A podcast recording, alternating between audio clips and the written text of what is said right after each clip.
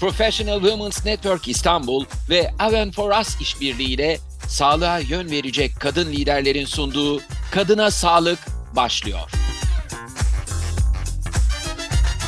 Sağlığa yön verecek kadın liderlerin sunduğu Kadına Sağlık podcast yayınına hoş geldiniz efendim. Çok önemli bir konuğum olacak ve çok önemli bir konuyu konuşacağız. Ama önce müsaadenizle bu bölümde Kadına Sağlık podcast serisinin ilk bölümü olduğu için çok kısa Kadına Sağlık podcast serisinin hikayesini sizlerle paylaşmak istiyorum. Biz yola bilgi kadını güçlendirir, kadın toplumu dönüştürür diyerek çıktık. Kadına Sağlık, sağlık sektöründeki kadınların gelişimini ve liderlik sürecini desteklemek amacıyla Professional Women's Network İstanbul ve Boğaziçi Üniversitesi Yaşam Boyu Eğitim Merkezi BÜYEM'in UNSDSN Türkiye ve Aven for Us desteğiyle hayata geçirdiği Sağlığa Yön Verecek Kadın Liderler programından mezun, sağlık sektöründe çalışan gönüllü bir kadın ekibinin kadın sağlığı hakkında farkındalık yaratmak, kadın sağlığı konusunda toplumsal cinsiyet eşitliğini desteklemek, kadınları bilinçlendirerek güçlenmelerine katkıda bulunmak ve kadınların sağlık okur yazarlığını desteklemek amacıyla gerçekleşiyor.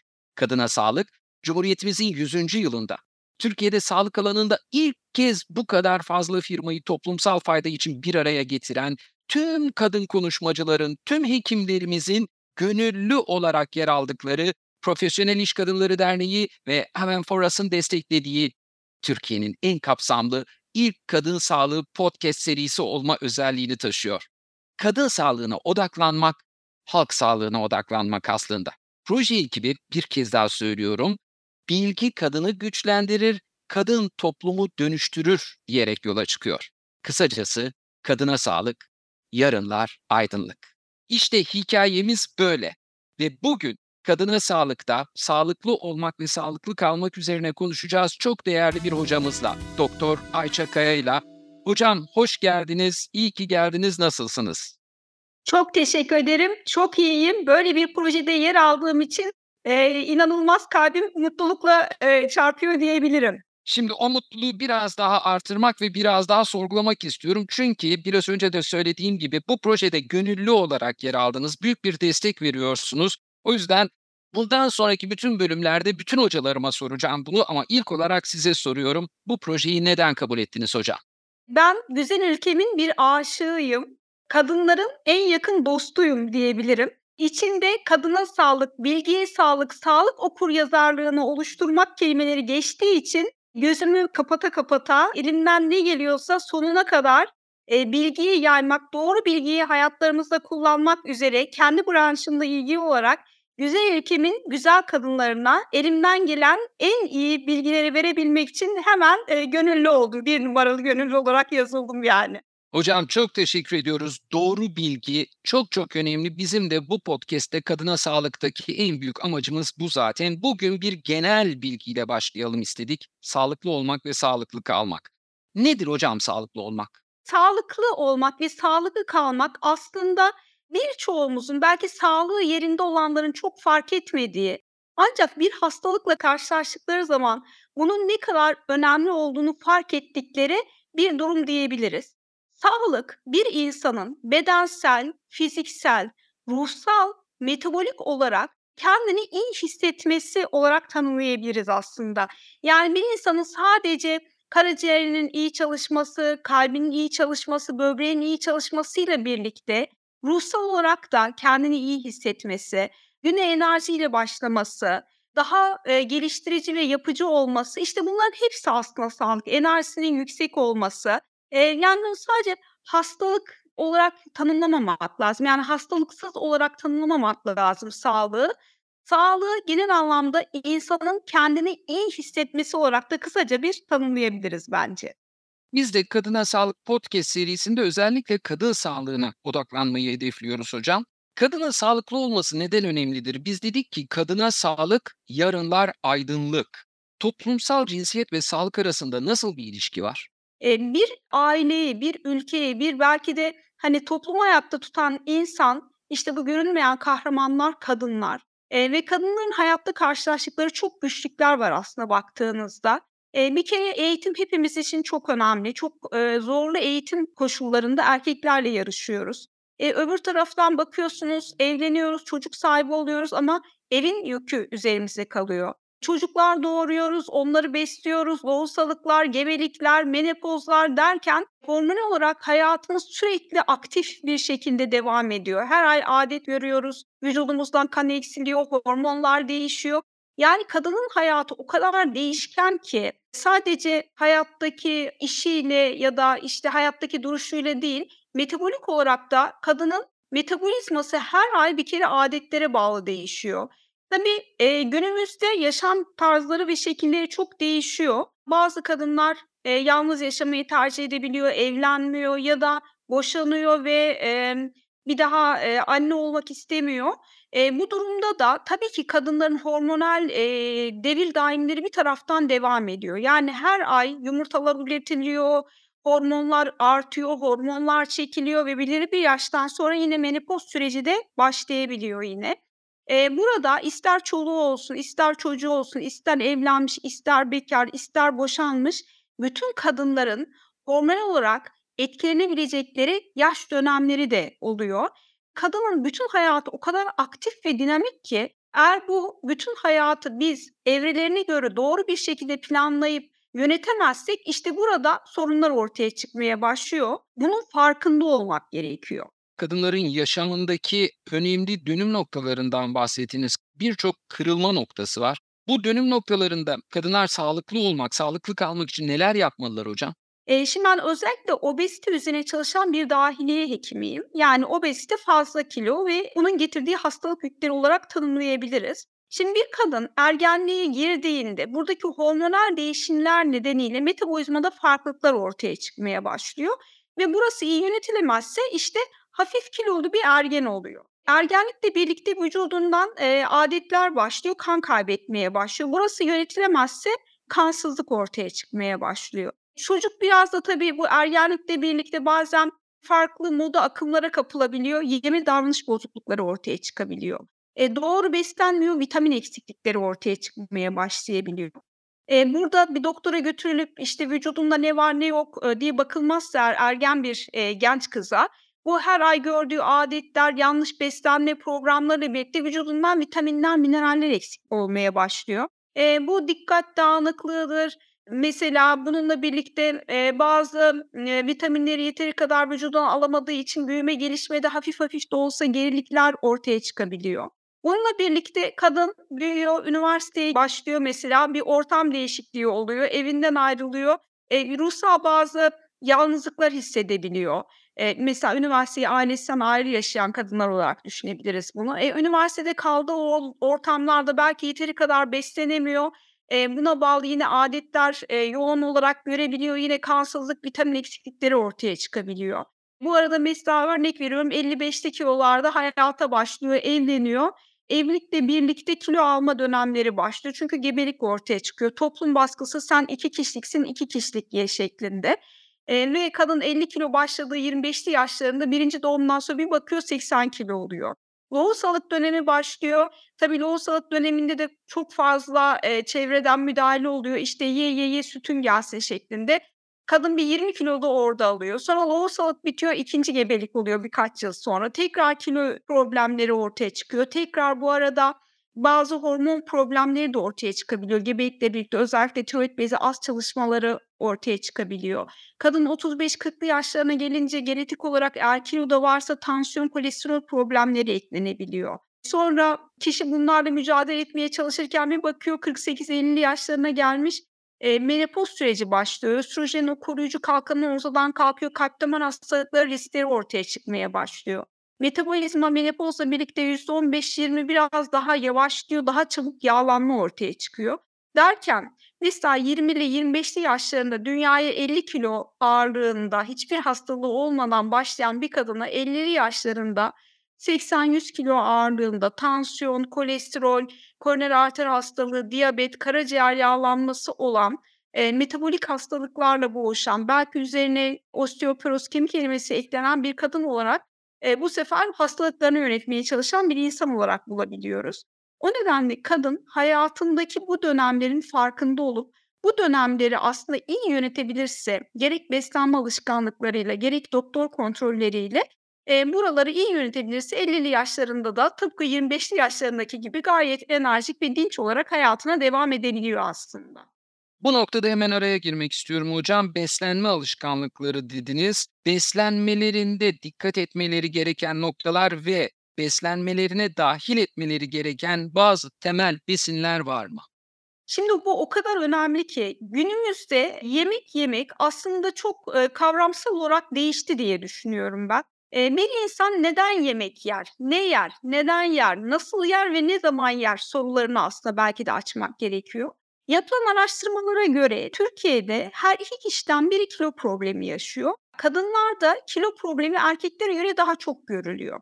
Şimdi temiz beslenme, doğru beslenme, bilimsel beslenme alışkanlıkları kazanmamız gerekiyor. Eee, çağımızda birçok şey çok kolaylaştı. Birçok şey, birçok yiyeceğe çok kolay ulaşabiliyoruz ama kalitesi düşük yiyeceklere, eee, aslında ulaşabiliyoruz. Eee, yemek yapmak belki birçoğumuz için ekstra bir külfet gibi geliyor. Çünkü aynı fiyata dışarıdan daha ucuzunu ve daha lezzetlisini aslında belki de insanlar ısmarlayabiliyorlar. Ve tabii dışarıdaki bu yiyeceklerin içerisinde çok fazla katkı maddeleri, lezzet artırıcı, kıvam arttırıcı, kimyasal, eee, kokular kullanılıyor. Ve bu kokular kişilerde bu bağımlılığı tetiklemeye başlıyor. Hani, ben çocukluğumda hatırlarım mesela dışarıdan bizim yemek ısmarlayabileceğimiz hiçbir yer yoktu. Bir hamburgerci, dönerci, bir lokanta dediğimiz yer, restoranlar yoktu ve insanlar genellikle yemeklerini hep evde yaparlardı ve tencere yemekleri yerdik biz. Ve obezite konusu ülkemizde bu kadar, eee, ön planda değildi ve obeziteye bağlı hastalıklar. Ancak ne zaman bu fast food ortaya çıktı, hızlı yemek hızlı öldürür, hızlı yaşlandırır diyorum ben. Eee, bu fast food aslında bizim hayatımızı, eee, çalıyor diyebilirim. Pek farkında değiliz belki. Mesela, eee, günlük yaşama evde yulaf yoğurt yiyerek başladık ya da yumurta, peynir yiyerek başladık. Sonra toplantıya giriyoruz. Toplantıda mesela kahve, kahvenin yanında küçük küçük kurabiyeler gelmeye başlıyor. Bunların hepsi dışarıda yapılan, yüksek margarinler kullanılan, trans yağlar içeren yiyecekler aslında. Sonra öğlen yemeği bir arkadaşla dışarıya çıkıyorsunuz. Orada ister istemez yine, eee, yağı yüksek, tuzu yüksek yiyeceklerle karşılaşıyorsunuz. Akşam eve geliyorsunuz yorgun argın, dışarıdan yemek ısmarlamaya başlıyoruz. Aslında sağlığın temeli vücudumuza giren besinler. Akılcı besinler seçmeyi öğrenmemiz gerekiyor. Bence bizi dinleyen herkes şu anda şunu yapsın, cep telefonunda hazırda yemek ısmarlayabileceği telefonları silsinler.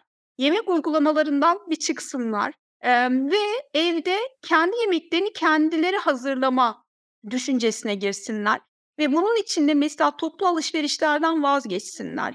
Eee, mesela pazar günü markete gidip bütün haftanın yiyeceği, eee, yemeği pazar gününden buzdolabına doldurmak, sonra bunları bozulmasın diye her gün fazla fazla miktarlarda yapıp yemeyi ben doğru bulmuyorum.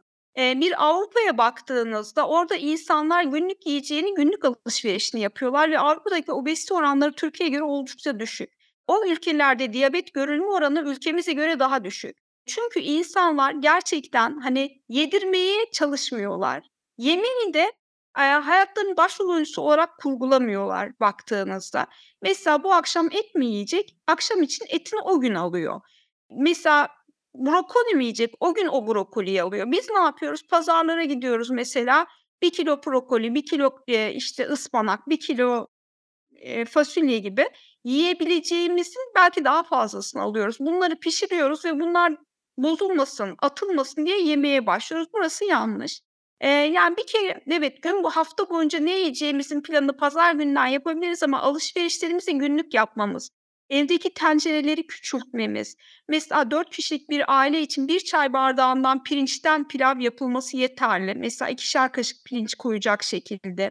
Bir kere bizim ülkemizde çok fazla karbonhidrat kullanıyoruz ve karbonhidratlar birçok hastalığın aslında bire bir nedeni. Gerek tansiyon gerek diyabet. Nedir bu karbonhidrat diye baktığımızda, bakın hayatınızda pirinç olan her türlü yiyecek, yani dolmalar, sarmalar, yayla çorbaları, içinde bulgur olan her türlü yiyecek, çiğ köfte, içli köfte, kısır, pilav, her türlü unlu mamul, pasta, kek, kurabiye, börek, içinde şeker olan her türlü yiyecek ve içecek. Mesela bir bardak limonata, eee, meyve suyu, 4-5 dilim ekmeklik bir karbonhidrat vücudumuza giriyor. Patatesi, makarnası, kuru baklagili cabası. Hepimiz diyoruz ki "Ay, ekmek yemeyelim, ekmek yemeyelim." Ekmeği kesiyoruz, bu sefer yağlı karbonhidratları daha sık tüketmeye başlıyoruz. Karbonhidrat konusunda çok uyanık olmamız gerekiyor. Günlük yaşamda tükettiğimiz sebze, meyve ve lif oranını artırmamız gerekiyor.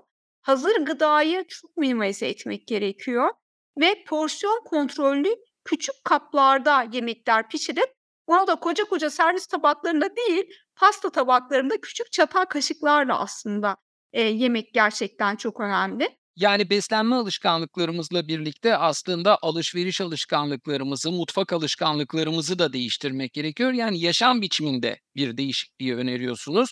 Bu değişikliğin içine egzersizi de sokuyor musunuz hocam? Egzersizle ilgili de özel tavsiyeleriniz olacak mı acaba?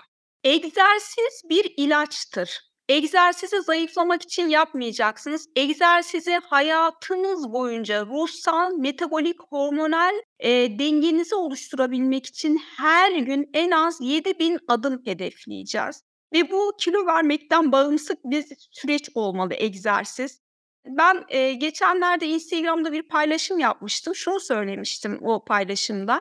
Şimdi ben size bir ilaç söyleyeceğim. Bu ilacı her gün aldığınızda, eee, tansiyonunuz dengeye gelecek, şekeriniz, eee, dengeye gelecek, kilo vereceksiniz, kendinizi çok iyi hissedeceksiniz, enerjiniz 5 katına çıkacak, gece kusursuz uyuyacaksınız, kendinizi çok iyi hissedeceksiniz, dostluk, arkadaşlık bağlarınız çok yükselecek. Her gün bu ilacı içmeye var mısınız diye sordum. Herkes lütfen bana bu ilacın adını yazın demişler. Ben de orada dedim ki bu bedava bir ilaç ve bunun adı egzersiz. Yani egzersiz yapılan birçok başka metanizlerde ve klinik araştırmalarda mesela onkolojik hastalarda bile hastalığın ileriye gitmesini ve durdurduğunu gösteriyor. Eee, mesela bununla ilgili yapılan bir araştırma var. 2 aynı yaş grubu olan, aynı kanser olan, metastazları olan ve aynı tedaviyi alan 2 hasta grubunda bir grup, eee, günde 5.000 adım atıyor, öbürü atmıyor ve 5.000 adım atanların 6 ay sonra metastazlarındaki gerileme %70 daha az oluyor ilaçtan bağımsız. Yani bu gerçekten muhteşem bir sonuç baktığınızda. Eee, o nedenle egzersizi şöyle düşüneceksiniz, sadece yapın. Hani yapayım mı, yapmayayım mı diye düşünürseniz kesinlikle yapmazsınız. O nedenle bunu sorgusuz sualsiz yapmanız lazım. Nasıl mesela her gün hiç düşünmeden işimize gidiyoruz, sorumluluklarımızı yapıyoruz. Egzersiz sizin bedeninize karşı bir sorumluluğunuz ve bunu yapayım mı, yapmayayım mı diye düşünmeyeceksiniz. Her gün otomatik yapmanız lazım. Birçok kişi şunu söylüyor bana hastalarımdan özellikle, "Doktor hanım çok yorgun geliyoruz eve." Ben onlara diyorum ki, "Nasıl yoruluyorsunuz? Yani sırtınızda bir şey taşımıyorsunuz. Sonuçta hepimiz beyinsel çalışan insanlarız birçoğumuz. Bedenlerimiz oturuyor, beyinlerimiz çalışıyor. Yorgun olan beyniniz, bedeniniz değil. Yorgun olan beyni deşarj etmek için her gün minimum 7.000 adım hedeflemelisiniz. Gerek öğle yemeklerinizde, gerek akşam geldiğinizde, ister sabah yürüyüşlerinizde bunu desteklemeniz lazım. Bugün Dünya Sağlık Örgütü'nün önerisi şu: Bir insan haftada en az 150 dakika aktif bir yürüyüş yapması gerekiyor. Bu da haftada 3 defa en az 50 dakika demek. Bunu herkes bir not alsın ve bizim sağlık reçetemizin aslında 1. kuralı, eee, hareket etmek olsun. Hocam çok teşekkür ediyorum. Bu çok çok önemliydi. Üstelik bunu anlatırken bir yandan bunun strese, kaygıyı azaltmaya, eee, yönelik özelliklerinden de söz ettiniz. Biraz orayı genişletmek istiyorum. Kadınlar stres ve kaygıyı yönetmeye yönelik nasıl stratejiler geliştirebilir hocam? Şimdi bu stres ve kaygı hepimizin hayatında var ve gerçekten bizim hayata karşı duruşumuzu etkileyen belki de en önemli faktörlerden bir tanesi. Eee, bizim bir kere hayatı da yönetmeyi öğrenmemiz gerekiyor. Bu kadar stresli ortamda stressiz bir şekilde nasıl yaşayabiliriz? Bunu yapan varsa buna bir madalya takmak gerekiyor gerçekten bir noktada. Ama şaka bir yana şu çok önemli, yani günlük yapacağınız egzersiz, mesela bir yarım saatlik tempolu yürüyüşünüz vücudunuzdaki serotonin miktarını artırıyor. Bu da endorfini yükseltiyor ve bu da dolayısıyla kendinizi iyi hissetmenizi sağlıyor. İyi hissetmek için lütfen hareket edin. 2'ncisi insanların bakış açısını aslında biraz değiştirmesi gerekiyor. Eee, burada hepimizin hayatında aslında birçok travma var. Yani bu dünya hiç kimseye altın tepside sunulmuyor. Bir kere bunu bilmek gerekiyor. Ama bizim ülkemizde biz birazcık acıdan beslenen bir ülkeyiz gibi görüyorum ben. Bu acılardan kendimizi korumak için aslında farkındalığımızı ve bakış açımızı değiştirmemiz gerekiyor. Burada ben kitap okumayı çok öneriyorum. Kadınların okuması o kadar önemli ki. Okumak bizim farkındalığımızı çok yükseltiyor. Bu konuda benim bir sloganım var. Bunu sık sık kullanırım. Derim ki, Günde 50 sayfa kitap okuyun, ruhunuzu besleyin. Günde 10 bin adım atın, bedeninizi besleyin.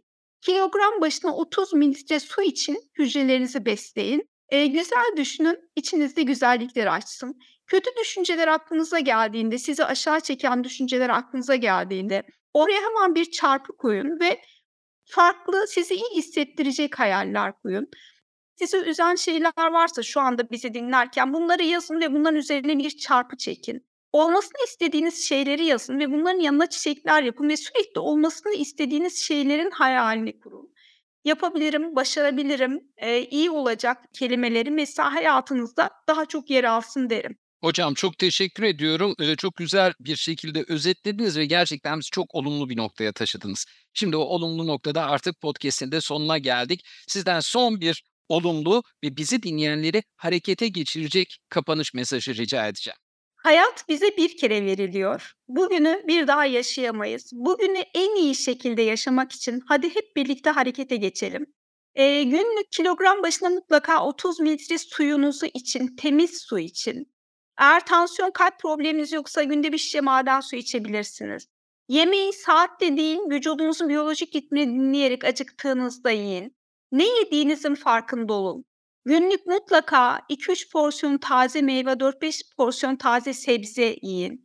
Uyku çok önemli. Eee, uyku hijyeninize dikkat edin ve, eee, akşamleyin, eee, gece 11 gibi, en geç 12 gibi yatıp sabahleyin 7-8 gibi uyanıp bir 7-8 saatlik vücuda şarj edecek hijyenik bir uyku uyumaya çalışın. Hareket edin ve birbirimizi sevelim diyorum. Evet hocam, sağ olun. Harika cümlelerinizle bu bölümümüzün, podcast'imizin bu bölümünün sonuna geldik. Bugün Doktor Ayça Kaya ile birlikteydik. Genel başlıklarıyla sağlıklı olmak dedik, genel başlıklarıyla sağlıklı kalmak dedik. Ayça hocama çok teşekkür ediyorum. Sonraki yayınlarımızda kadın sağlığı ile ilgili önemli konuları konuşmaya, önemli konuları uzmanlarımızla konuşmaya devam edeceğiz. Sağlığa yön verecek kadın liderlerin sunduğu Kadına Sağlık'ta bir sonraki bölümde görüşmek üzere. Sağlıkla ve mutlulukla kalın.